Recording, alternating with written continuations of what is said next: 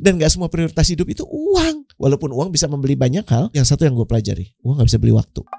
Coach kasih solusi. Hadir lagi Coach Rene. Siap. Mantap.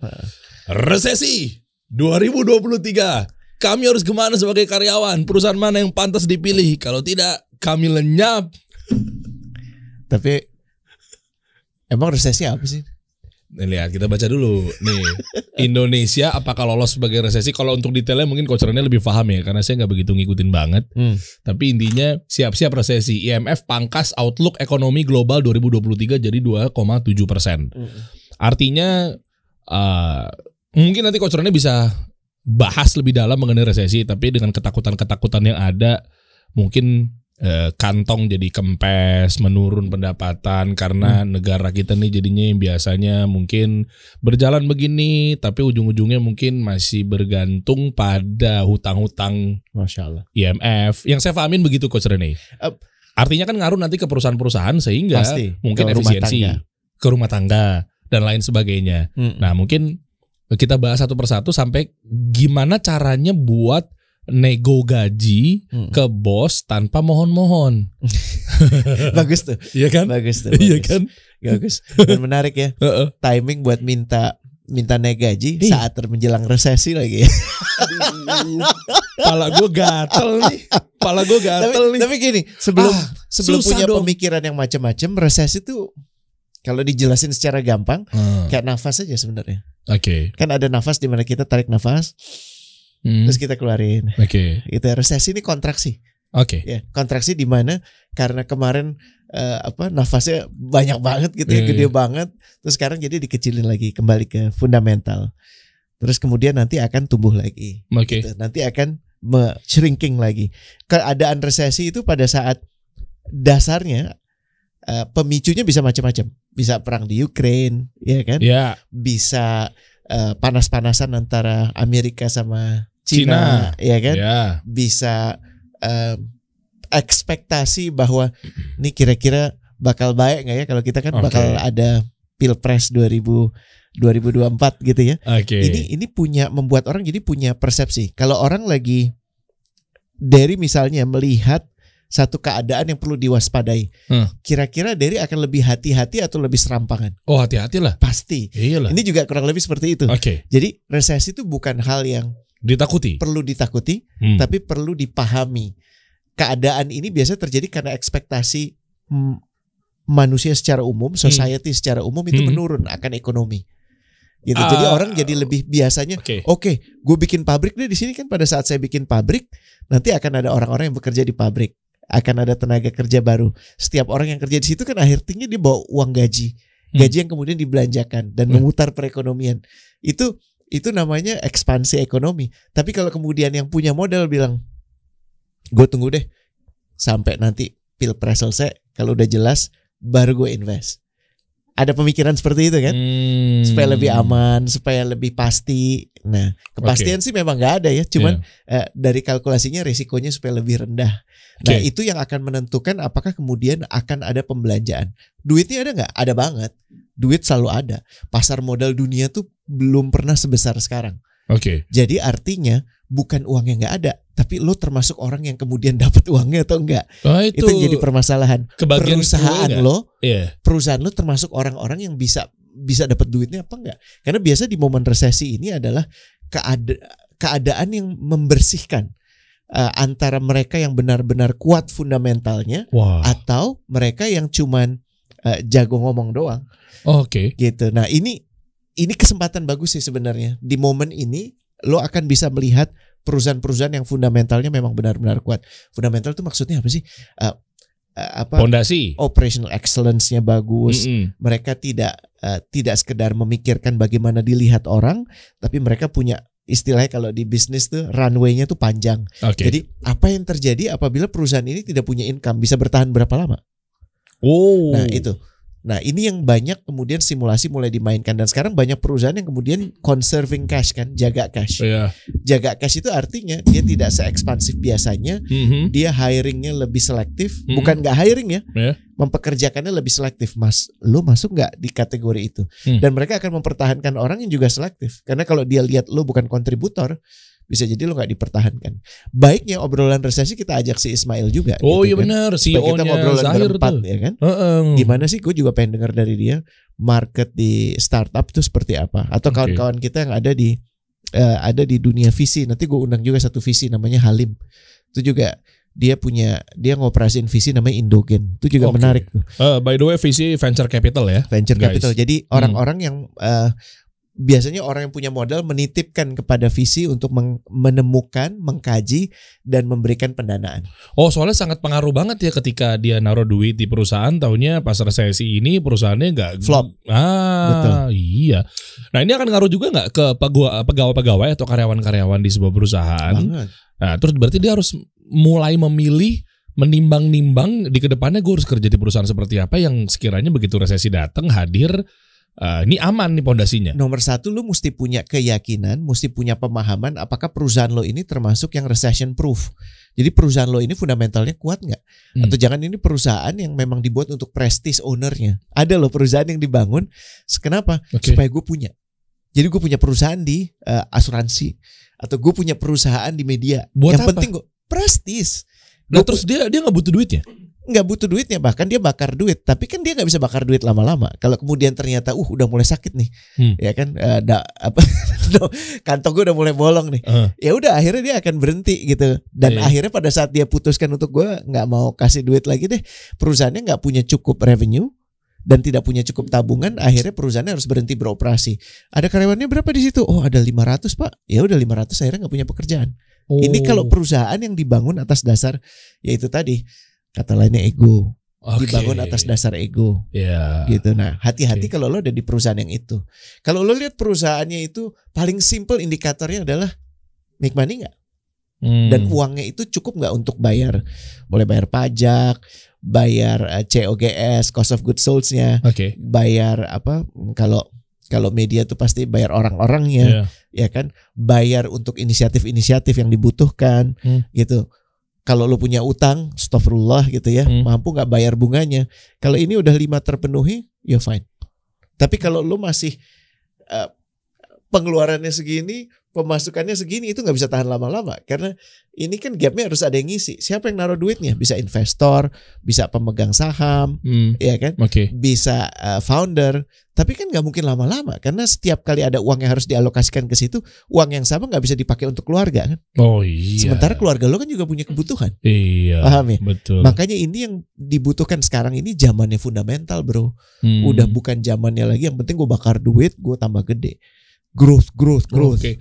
Ya, Gitu. makanya banyak marketplace sekarang juga udah memikirkan profit sehingga kemarin kan startup winter Mm. sehingga banyak karyawan-karyawan yang ya kita tahu beritanya kan macam-macam untuk marketplace ya mau warna merah, orange, hijau, ah macam-macam deh.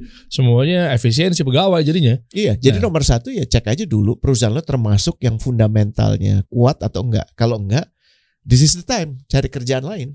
Nah, tolak ukur atau indikator utama ketika gua harus cabut ke kantor atau perusahaan baru dan mengukur dengan menghadapi resesi 2023 itu perusahaan-perusahaan seperti apa coach yang memang sekiranya ini cocok nih buat gue masukin dan ini bertahan nih minimal Tadi gue udah sampaikan Oh. sebenarnya secara fundamental dia kuat nggak? Oke, I mean BUMN eh, Nggak bisa, Oh, Eh, bukan itunya. nggak bisa karena BUMN ada yang fundamentalnya kuat bagus banget, ada yang Mhm. fundamentalnya katrok banget. Perusahaan keluarga juga demikian. Perusahaan keluarga juga sama, ada yang fundamentalnya bagus banget, ada yang katrok banget. Multinational company? Sama juga, semuanya sama. Jadi tidak ter tidak bukan klasternya.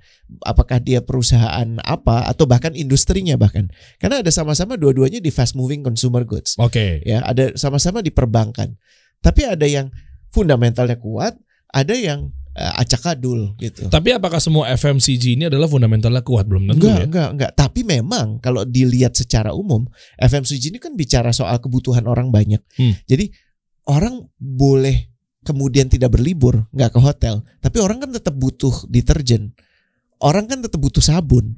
Orang kan tetap butuh makan. Berarti basic needs dong. Basic. Oh, berarti Kembali cari ke aja basic. perusahaan-perusahaan yang memang basic needs yang Betul. Dan Oh. Apakah artinya properti eh, hancur lebur? Enggak. Pra pasar properti yang melemah itu jual beli properti. Iya kan? Karena kreditor milih-milih. Tapi sekarang yang lagi naik adalah sewa. Karena Oh. kalau kalau lu punya properti ya sekarang disewakan. Kalau ini perusahaan yang membantu proses nyewa menyewa properti dia bullish. Dia akan naik. Hmm. Kenapa? Karena orang nggak mau bikin keputusan besar buat beli.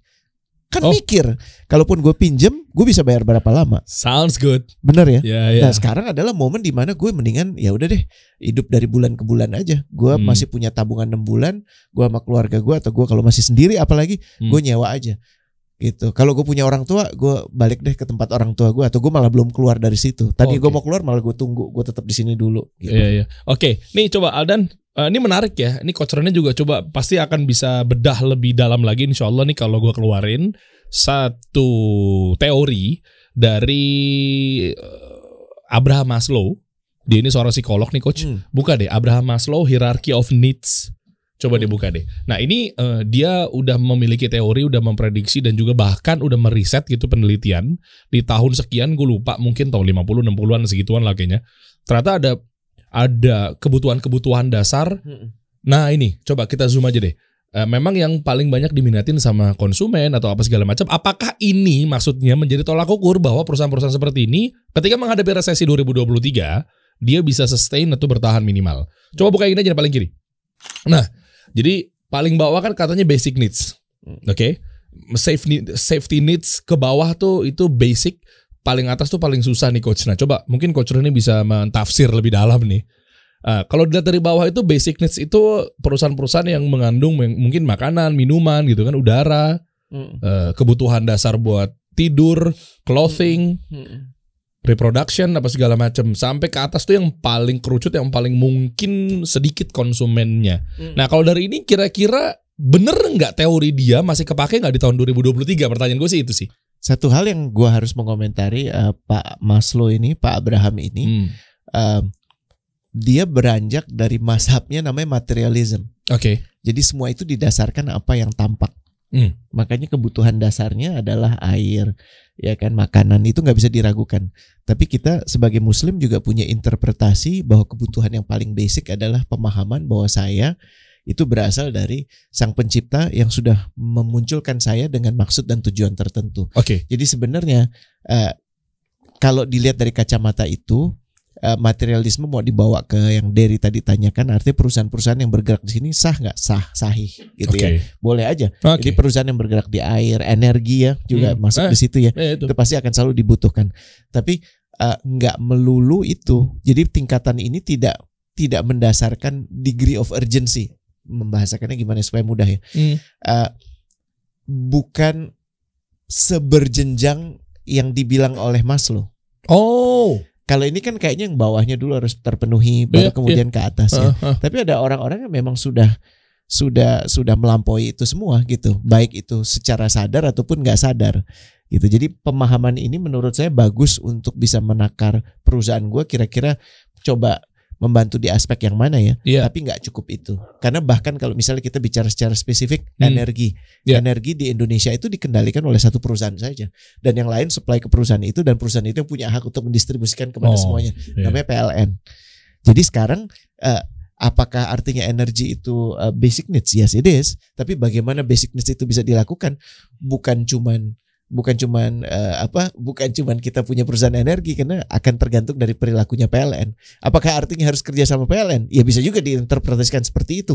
Karena nggak mungkin dalam waktu dekat dia bubar Woi. gitu ya kan. Walaupun dalam keputusan-keputusannya apakah mereka sudah memikirkan sustainability atau enggak? Nah itu jadi pertanyaan lain. Oh iya benar juga ya. Maksudnya nggak melulu dengan dia energi apa segala macam kita bergantungnya pada listrik dalam artian supply dari si PLN ya. Betul. Bisa jadi mungkin ada tenaga-tenaga surya lainnya yang memang menopang gitu gak sih? Betul, tapi kan lucunya kalau menarik ya dari ngangkat ini ya. Salahin dari kalau kemudian ada yang komplain. gitu. Kenapa? Kenapa enggak kan saya kan cuma Kan, kan, bertanya. kan menariknya gini, kalau kita beli diesel Mm-mm. itu kita nggak harus lapor ke PLN kan, mesin diesel. Ya enggak dong. Enggak, tapi kalau kita pasang panel surya Emang harus lapor? harus dan Emang iya? harus ada perizinannya. Bahkan sekarang ada peraturan bahwa yang namanya energi surya itu kalau nggak salah, tolong diteliti ya kawan-kawan ya. Mm-mm. Kalau anda bergerak di energi terbarukan apalagi itu maksimum 15%. Hah? menarik ya. Lebih dari itu bahkan di bisa di, bisa dibebankan. Jadi saya misalnya 100% nggak mau pakai PLN, 100% pakai pakai ini aja, pakai energi Surya, surya, panel. surya panel. Cuman kita nggak mungkin off the grid ya. Oh. Ya kan kita pasti on grid ke PLN kan, nyambung ke PLN. Nah, dengan saya dapat 100% dari panel, saya tetap harus bayar PLN. Lah kan matahari gratis. Iya kan PLN yang punya ketentuan terkait dengan energi dan Iya. ini menurut saya perlu diurai sih Oh. karena ini nggak baik buat sustainability energi terbarukan kita. Hmm, oke. Nanti kita bahas di edisi khusus kali ya Mm-mm, coach ya. Mungkin boleh. di pekan depan boleh tuh. Boleh? Iya boleh. kan? Menyikapi tentang ini kan makin ke sini kan udah mendekati misalnya pergantian tahun atau 2023 yang mana memang ada resesi apa segala macam. Hmm. Artinya kita harus punya pijakan nih buat teman-teman yang nonton juga. Gue harus clear di sini nih. Ya kita ajak si Ismail juga aja Ah, untuk ah. ngobrol ya. Jadi boleh, boleh. eh, bukan cuman membahas resesinya, eh, gue punya kemampuan untuk mengkaji tempat kerja gue di mana gue sekarang ah. Dan terus baru kita lanjutnya gimana gitu ke Oke, depannya. nah ini masih ngomongin tentang tempat kerja apa segala macam. Artinya kalau ngomongin itu butuh juga kayak misalnya negosiasi gaji. Iya. Ah, apakah nanti di waktu yang tepat juga untuk masuk eh, di waktu di tahun 2022 terus dia nego gaji tapi sementara tadi aja berbicaranya 2,7 persen ya. Kalau mau nego gaji sekarang karena kan biasanya pa- apa budgeting anggaran organisasi RKAP-nya ditentukan sekarang. Wah. Dan itu kalau boleh sih ya jangan nunggu sampai Januari karena harus disepakatinya itu paling lambat Desember. Lah, kalau ngomongin paling lama Desember, artinya kan berarti kan dia harus punya ilmunya dari sekarang. dong. Banget, Jangan Betul. taran-taran. banget. Ka- Karena Sohi ya. ba- banyak banyak gini, banyak orang berpikir dia paham nego gaji. Kenapa? Karena gue udah nego di pasar. Ah, Gue sering belanja di pasar, ya eh, pasar Majestic gitu ya. tahu. Ya kan, di mana gue berhadapan sama banyak orang Padang gitu. Misalnya bercanda ya maaf ya. Iya bener-bener Ya. pedagang kan banyak orang ah. Padang, banyak orang Jawa, Iya. banyak orang Cina. Iya kan, gue Hmm. selalu dapat apa yang gue mau di sana. Ya itu Hmm. satu asumsi lo dapat apa yang lo mau aja tuh harus dipertanyakan gitu ya. Oke. Terus kedua, negonya sama nggak dengan yang lo akan lakukan di korporasi? Menurut gue lo butuh pembekalan tambahan karena nggak sama dengan seperti nego pasar sih. Karena diperdagangkan di sini kan bukan barang yang ada di depan, yang diperdagangkan di sini adalah waktu lo, profesionalitas lo, dedikasi lo. Gimana Oh. menghargakan itu? Itu kan sangat ya gimana ya? Waduh, ini harus ada ilmunya nih. Ini biasanya nih ya, di dalam laptopnya kocernya ini Kita banyak lihat ya. jampe-jampenya nih. Ya, kita lihat ya. Jampe-jampe berupa ilmu. Udah Coba, disiapin nih memang nih. Oh, kan? Kayak mata gue rada merah karena nyiapin ini semalam. coba coba kita lihat dong, coba dong. Oke, Ya, coba. Bismillahirrahmanirrahim. Hmm. Gue sekarang kalau bicara soal nego, kita nggak bisa ngomong nego sebagai kayak ilmu negosiasi kalau nggak dikasih konteksnya, Oke. kalau nggak dikasih background ceritanya Hmm. dari pengalaman gue sebagai recruiter, sebagai advisor, eh, dan sebagai orang yang kemudian menjembatani antara perusahaan dan individu. Ada tiga skenario yang gue mau angkat. Skenario nya banyak sekali sih soal Oh. nego gaji, tapi gue akan angkat tiga ya. Gue minta opini lo dulu nomor satu ya Boleh. sebagai eh, in-house kasih solusi expert terkait gaji kan, ya kan? HRD sekali saya. Ah, bener ya. Iya. Kan Derry udah jago banget nih. Derry sebentar lagi buka praktek itu nih. Nomor satu, gue udah interview terakhir, ya kan dapat pesan kalau budaya organisasi nggak bisa bayar orang setinggi gaji yang gue minta. Allahu Akbar berat lagi. Bener kan? Jadi udah udah interview terakhir nih, Aduh, Der, iya, lo iya. akan gue terima. Tapi pada saat mau dikasih gaji, terus orangnya akan bilang gini, Pak Derry, kami di sini emang mulainya basic pak, ya kan? Aduh. Eh, mungkin ini lebih rendah dari yang bapak harapkan. Ya, Gimana pak? Udah panggilan Terus kedua, gimana? ketiga lagi. Ya kan? Buang waktu gue udah gue nolak dari Gojek lagi. Gue nolak dari Tokopedia Menarik ya? lagi. Terus jawaban lo apa? Eh, nomor satu. Wah guys, perhatian ya. baik-baik. Kita juga boleh Oke. tanya kawan-kawan ya jawaban Boleh. lu apa. Mungkin sebagian dari lu juga ada yang ngalamin kan. Ya. Udah di interview terakhir ada ekspektasi tertentu eh tapi dia bilang kami emang nggak pernah mau bayar orang setinggi itu. Semuanya mulai di angka ini. Dan bisa jadi ada penyesalan gak sih? Dia ya walaupun nyesel nggak boleh kok darulah, tapi maksudnya dalam arti fitrah manusia, dia juga udah beberapa nolak perusahaan kan untuk panggilan Bisa interview jadi, kan. bisa jadi. Bisa jadi mungkin gitu ya. Ini satu ya. Jadi Satu. perusahaan yang mengatakan ke lo kita nggak bisa bayar lebih tinggi dari eh, yang biasa kita berikan. Gitu. Kenapa ya? Emang beginilah cara kerja kami. Paham ya? Wah, satu ya. ada Lo punya jawaban nggak terhadap Iya, iya. itu? Ya, iya, oke, Satu ya. Oke, oke. Dapat ya? Ya. Dua, Dua ya. Eh, dua. dapat tawaran pekerjaan yang diminati. Ini yang jadi aduh gue emang udah pengen banget sama kerjaan ini. Ya pas banget nih. Ini gue banget. Oke. terus orangnya ngomong gini tapi kami senang sekali sama bapak. Namun ada tiga kandidat bapak salah satunya. Ya perusahaan akan mempertimbangkan mana yang bisa kami pekerjakan dengan angka paling efisien. Allahu Akbar. jadi lo langsung dibandingkan dengan dua orang lain disampaikan secara terbuka dan dia akan ngomong gini selanjutnya ekspektasi bapak berapa jadi dia udah bilang gue pengen lo Aduh. tapi gue ada dua yang lain loh Aduh. yang kalau misalnya yang dua lain lebih efisien ya gue ke mereka karena lo nggak sendiri salah sebut, ih gue ke mereka. Salah langkah, gue ke mereka. Salah Menarik ya? pencampa- penyampaian gua ke mereka. Waduh, decoy effect nih. Hmm, Menarik ya. Terbanding-bandingkan kehati-hatian. Aduh, menarik. Dan banyak perusahaan menggunakan pendekatan ini. Ya, Bapak eh, kami suka sekali, tapi kami juga apa sebagai perusahaan eh, berhak untuk mencari orang-orang yang lain yang kira-kira cocok dengan kami dan eh, kami akan memberikan pekerjaan ini kepada mereka yang paling efi yang bisa eh, apa menawarkan gaji paling efisien. Paling efisien artinya paling kecil ya. Semoga Anda paham ya. Bukan yang paling gede ya. Bahasanya ini eufemisme, penghalusan, tapi sebenarnya lo mau nggak gue bayar lebih sedikit, lo dapet deh kerjaannya. Gimana Oke. kalau lo? Eh, aduh, ada pembandingnya lagi berat banget. Dan lo dibilang ada pembanding lo. Dan pembandingnya disebut nggak sama dia? Siapa siapa siapa? Oh bisa disebut bisa enggak? Oh, oh bisa jadi dia le- lebih parahnya lagi dia nyebut ya. Ada sih dua pembandingnya lainnya. Misalnya gua nanya tuh misal Ya, eh. dia dengan gampangnya mungkin untuk menakut-nakuti bilang Ya tadinya kan dia kerja di perusahaan ini, Ya. yang satu lagi dikerjanya di perusahaan ini sih. Yes. Terus dia ngebandingin sama diri dia gitu. Hah? Perusahaan ini kan lebih Hmm. maju dibanding perusahaan gue yang sekarang Nah. yang mau gue pindah. Nah, Berarti paham dia ya. lebih Clear ya. lebih Pelik ya. dong dia. Pelik ya. Ini Dan emang pada- ini udah common, udah common di Banyak. interview begini. Skenario-skenario seperti ini makanya gue angkat kenapa? Karena sering kerap terjadi, berulang-ulang terjadi dan kemudian eh, satu banyak organisasi yang menurut gue nggak etis dalam bernegosiasi. Mhm. Ya, gue gue nggak akan bahas itu karena itu khusus buat peserta workshop. Oh, sudah jualan. dibocor, sudah Jualan. dibocorin. Intinya banyak skenario-skenario yang lain dan mungkin lo juga nanti bisa memperkaya skenario ini karena mungkin ada skenario yang gue juga nggak paham. Tapi ini skenario dua ya. Oke, oke. Satu lagi ya Der. Apa tuh? gue seneng kerja di perusahaan ini. Tapi terus gue dapet telepon dari recruiter buat pindah untuk gaji yang lebih gede. Karena dia bilang gini, di luar der, Hah?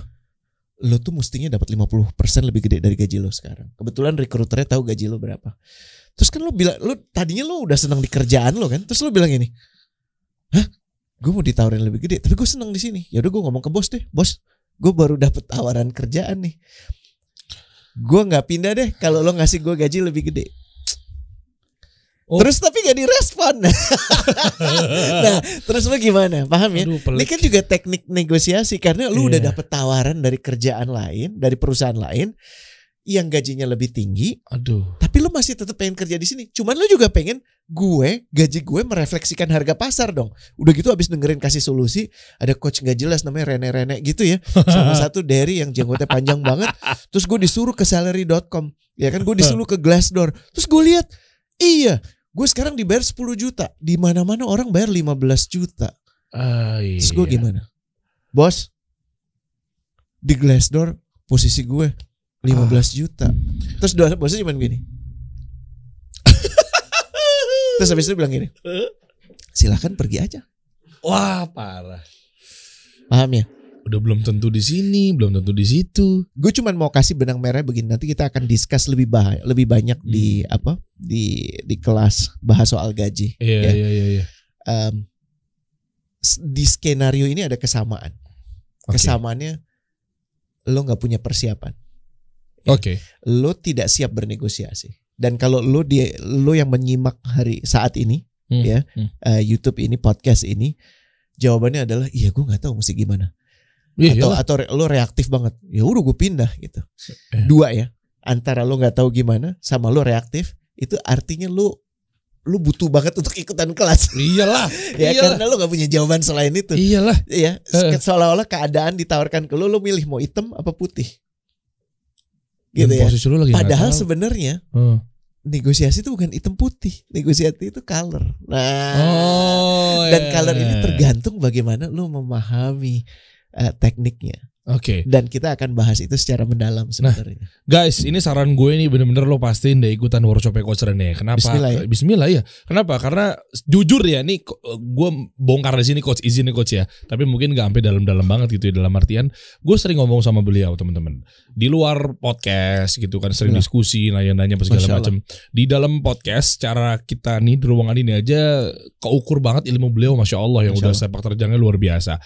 Pas di luar podcast ngobrol secara intim dan lain sebagainya itu juga makin-makin lagi. Bismillah, masya Allah. Iya, Masya karena apa? Karena eh, sejujurnya gua tahu sama beliau ibaratnya kan kalau kita mau tahu lebih dalam orang ini kan kita harus sebanyak safar apa segala macam Hmm. kan.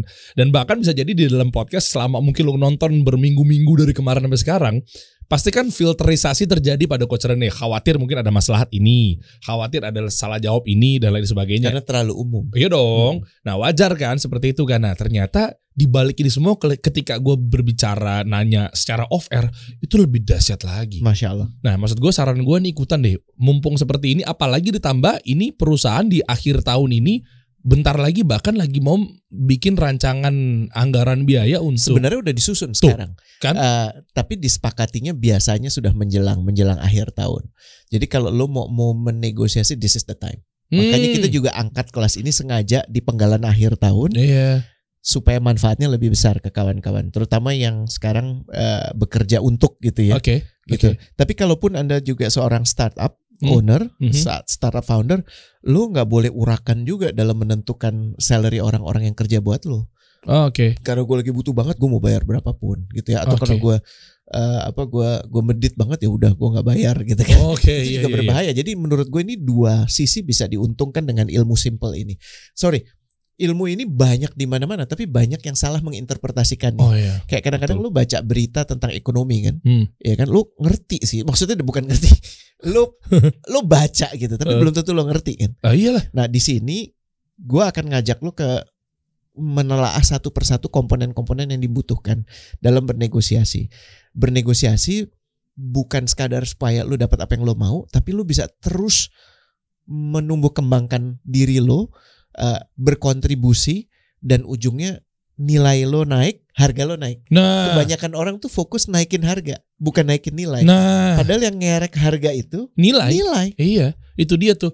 Iya kan? Jadi eh, orang mungkin taunya kan oh gimana cara gue naik, gue naik, gue naik. Tapi eh, lo perang tanpa senjata dan skill pengoperasian senjata tersebut nggak bakal bisa menang juga. Betul. Contoh nih misalnya anggaplah kita lagi main game atau apalah istilahnya atau mungkin kejadian apalah segala macam. Der nih pegang nih AK47.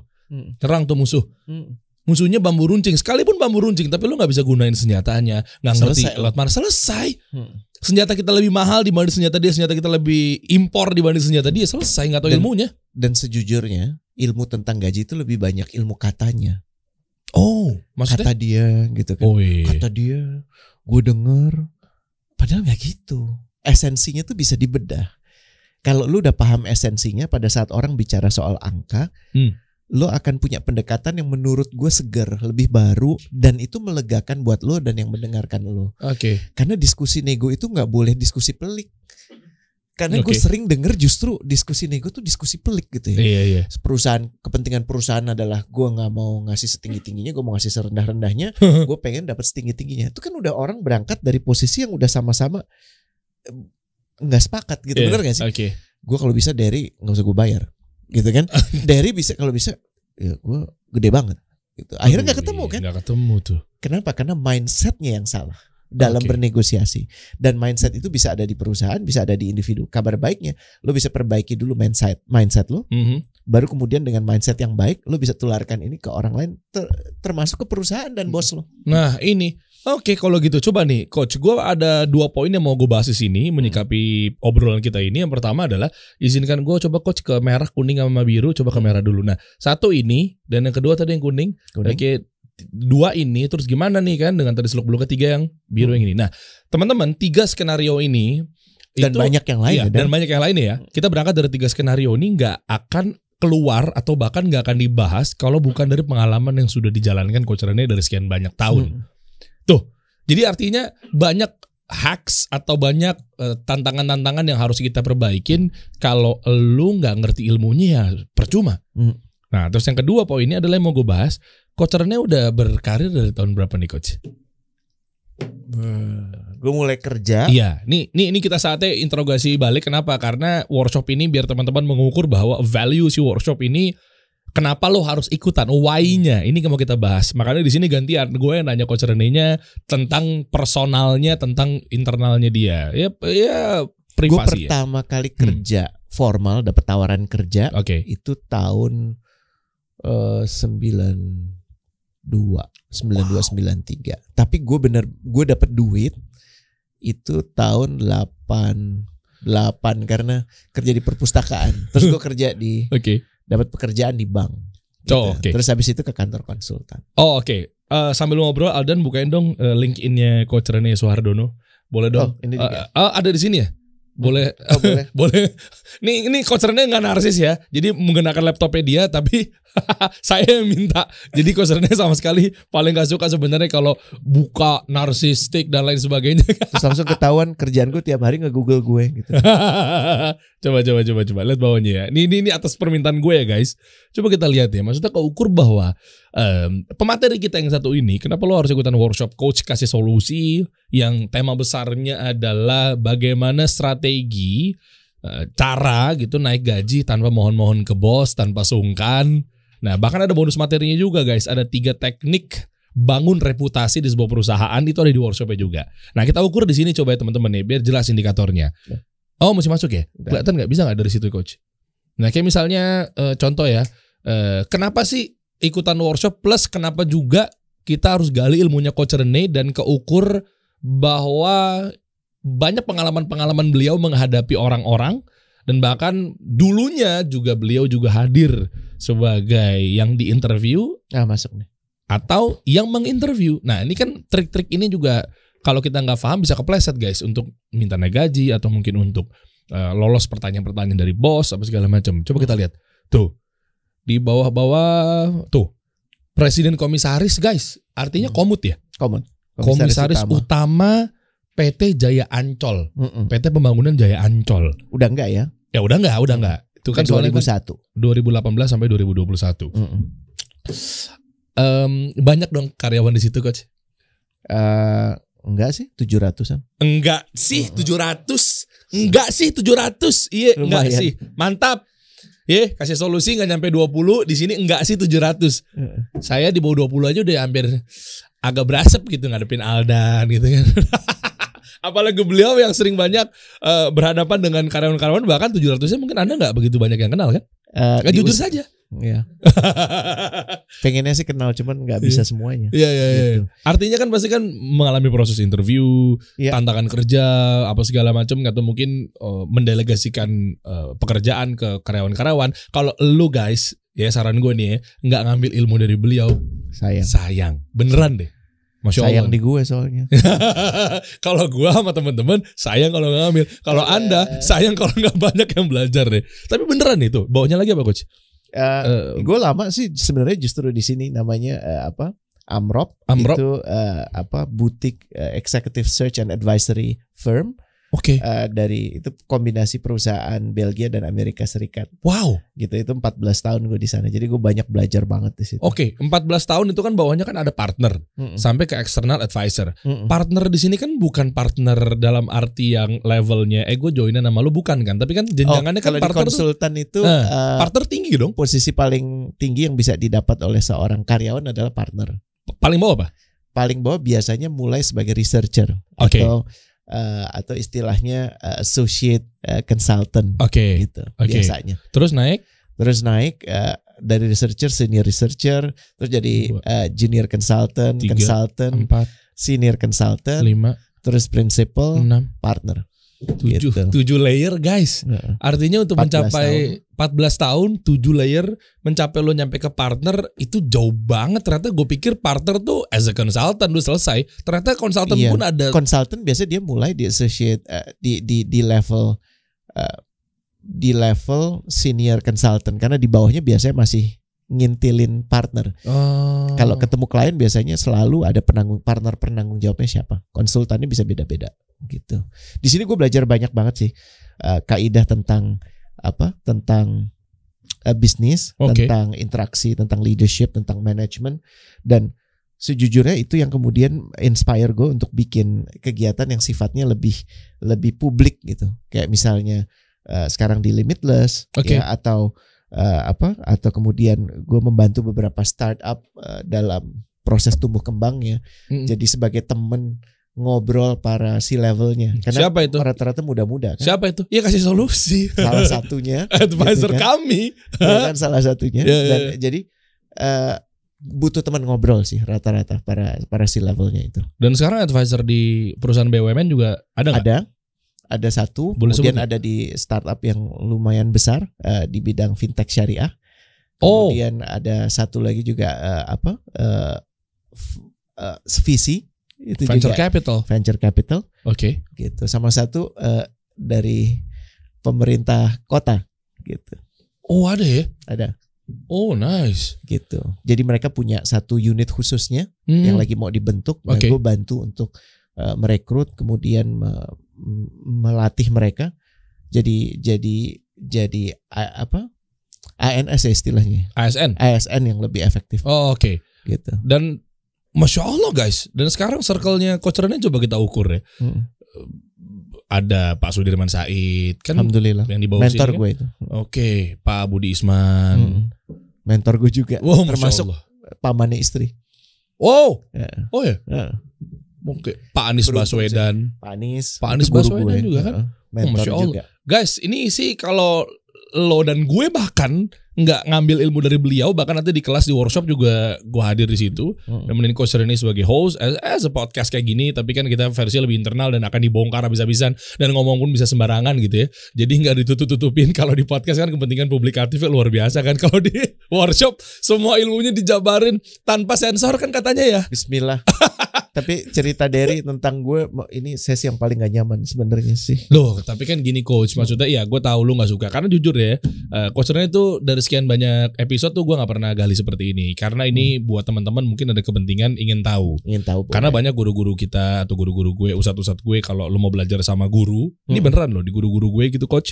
Eh, lu harus tahu sanatnya, Hmm. keilmuannya, nasabnya, Hmm. ya kan? Lu belajar dari mana tuh guru? Mm. Biar apa? Proven. Biar orang tuh nggak banyak salah langkah. Islam itu udah ngaturnya begitu Udah coach. ditetapkan ya. Iya, jadi kita nggak sembarangan. Kan Islam sendiri kan yang narasi mengeluarkan istilahnya pentingnya ilmu sebelum beramal. Betul. Itu maksudnya. Masya Allah. Ya, nah, Semoga makanya- manfaat ya. Eh, Dan minta doanya juga agar terus istiqomah. nah itu dia tuh. Tapi kalau boleh Der, beberapa fundamental kalau gue boleh share sebelum masuk ke dalam pembahasan Oke. supaya me- lebih mengajak kawan-kawan untuk berpikir. Mm-mm. Nomor satu ya, pahami bahwa eh, hal-hal yang bisa dinegosiasikan itu banyak Oke. ya. Jadi nggak cuman duit. Oh, Kebanyakan orang perspektifnya kalau negosiasi cuman ngomongin uang oke. dan itu yang harus dikoreksi menurut gue. Oke. Ya, nggak yang lo kalau cuman punya satu kartu akan lebih sulit negonya dibandingkan lo punya lima kartu kan. Oh iya. Nah perspektif lima kartu itu yang menurut gue kita akan belajar. Nggak cuman duit aja. Gue cuman bisa Wah. ngomong itu sekarang nggak cuman duit. Itu satu ya. Oke. Terus kedua berangkat dari hal-hal yang bisa disepakati. Karena kalau kita kayak misalnya pergi ke pasar Majestic Hmm. atau ke pasar baru kita nego sama orangnya kita berangkat dari hal yang kita nggak sepakatin. Bener nggak? Is mama kalau nawar. Iya kan? Berapa? Seratus ribu? Gak, ini mah lima belas ribu gitu kan? Iya kan bener ya? Bener kan? Kalau bisa minus minus tuh. Dan ngerinya tuh kita pakai strategi kita jalan aja dulu ntar dipanggil. Gitu kan banyak kan gitu kan? Oh iya. Jalan jalan jalan jalan jangan nel. Aldan tuh paling sering. Pura-pura pulang. Iya kan, Pura-pura kabur. Sudah tiga langkah kagak dipanggil. lima langkah nggak dipanggil, sepuluh langkah ah, ya udah. Kita juga akhirnya udah udah udah apa bete gitu. Tapi kan ini kerjaan. Nggak bisa lo udah Nggak masuk bisa. ruang HRD, ruang itu tiba-tiba ya udah tahan gue dong. Itu kan nggak bisa. bangun dari dan- kursinya ya. Eh, Dan kebanyakan ya kesalahan terbesar dan ini kesalahan amatiran ya. Maaf semuanya tuh dijadiin deal breaker tau nggak? Eh, Oke. Semua tuh jadi deal breaker. Kalau Eh. gue nggak bisa dapat segini, ya udah nggak usah. Kalau ini nggak bisa, ya udah. Emang gue butuh. Oh, jadi oke. jadi lu tuh nggak asik gitu lah ya. Iya, paham ya? Iya, iya, iya. Lo nggak asik dan ini kita akan bahas satu aspek namanya lo nggak asik tuh dan bagaimana jadi lo nggak asik jadi asik. Itu Ya, ternyata oke. punya crucial value di dalam negosiasi. Oh, dan itu Ini gue udah bocorin ya. Oke, Satu oke, ya. oke. Ini semuanya ada di workshop. Ada. Oke. Nah Sip. ini, nih ya. Eh, eh. Pisahkan antara hal yang bisa dinego dan yang nggak bisa dinego. Makanya lu mesti ngerti yang bisa dinego apa, yang nggak bisa dinego apa. Sementara banyak orang berpikir gue nego semuanya. Oh, Gak bisa. coba-coba contoh nih. Gue nego angka gajinya. Ya. Gue nego jam kerja. Nah, Coba ya, gua semua, semuanya gue semua lo coba nego. coba ya, gue telusurin, gue sebutin berapa coach. Nanti lo kasih bocoran Coba gue. yang uang aja dulu. Jangan masuk yang lain-lain. Uang aja dulu. Emang ada apa lagi? Makanya kan Gaji. gaji, Oke. bonus, Bonus. ya kan? Terus ada Lembur. namanya variabel, lembur. Terus ada juga ESOP namanya employee stock Oh, options, oh iya iya. ya iya. kan? Eh, Terus ada lagi BPJS. Iya, manfaat fin- manfaat-manfaat kalau misalnya ada kondisi darurat gitu kan. Oke, tunjangan parkir, Tunjangan cuti. cuti. Oh iya. Banyak kan? Dan ini boleh Ini ini masih semuanya financial related. Ada yang non finansial yang kita nanti akan bahas juga. Oke. Paham dan, ya? Dan si financial related ini Ja- Dan nggak semuanya bisa dinego. Bu, bukan maksud gue jangan lu jangan kan tadi lu pegang kartu, Heeh. pegang lima, ya lu boleh pilih dua. Jangan cuma pe- pilih pegang satu. Oh. Tapi dengan lu punya tujuh, bukan tujuh tujuhnya lu nego gitu. Oh, ada ilmunya guys. Jadi mana yang paling penting buat lo? Contoh, kalau lo sekarang dalam posisi ingin menghangatkan relationship lo dengan istri lo, oke, iya kan? oke. Karena lo sibuk banget selama ini. Menurut gue prioritas lo mesti clear, bukan gaji. Prioritas lo adalah waktu. Oh, Paham nggak? Iya, Nah, lo paham nggak prioritas hidup lo? Karena nego itu me- menyambung prioritas hidup dan nggak semua prioritas hidup itu uang. Walaupun uang bisa membeli banyak hal, tapi yang satu yang gue pelajari, uang nggak bisa beli waktu, Oh iyalah. nggak bisa. Paham ya? Oke, Terakhir ya. Oke. tetapkan keputusan untuk diri sendiri. Ini juga buat Derry ya tentunya ya. Jangan mengandalkan orang lain untuk memutuskan. Oke. Paham ya? Iya, iya. Sehingga lu nggak reaktif. Gua akan ngomong gini kalau dia tapi kalau dia ngomong ini gua akan ngomong. Gak bisa lo berskenario kayak gitu. Hmm. Terlalu panjang, otak lo akhirnya akan dipenuhi hal-hal yang mungkin terjadi belum terjadi nggak akan terjadi. Harusnya, Capek kan? harusnya. Ya lu tetapkan yang gue mau terjadi ini. Tapi gue siap berkompromi di area ini, ini, ini. Tapi yang menentukan adalah gue. Oh. Gue nggak menggantungkan respon Aldan baru gue begini, nggak boleh. Hmm. Karena arti gue gantungin hidup gue sama Aldan. Hmm, oke. Walaupun dia kayaknya baik gitu ya. Ini buat para Oh dia ikut terus kok, dia ikut terus. Iya kan? Oh ikut terus. Iya kan? Jadi keputusan untuk lo mau deal breakernya berapa, angka lo mau naiknya berapa, Hmm. eh, lo mau terima atau enggaknya berapa, jangan digantungkan ke ke orang di depan lo. Ada di lo. Guys ini nggak ada alasan lagi sih. Ini udah banyak ternyata banyak elemen-elemen gue pun juga ya kerap kali menjadi beberapa mungkin ya apalah cuma penamaan doang lah ya mau itu kepala mau itu CEO mau itu direktur tapi ternyata gue pun sendiri juga masih banyak yang kurang dengan ilmu-ilmu seperti ini yang gue ternyata cek barusan oh sedetail ini ya nah itu maksud gue jadi kayaknya nih lo harus pastikan deh kosongin waktu ikutan workshop coach kasih solusi Bismillah. Eh, Minta terkait- doanya juga iya, ya, iya insya Allah manfaat.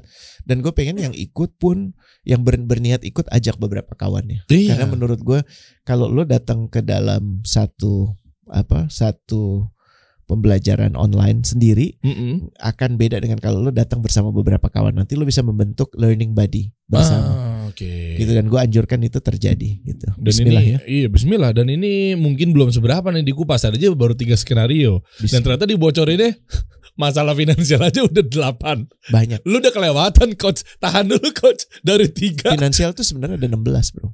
Yang financial related. Jadi baru dikasih 50% jangan khawatir. Hah? Kan? Kalau lo masuk tadi gue tambahin satu jadi nggak 89 Tantiap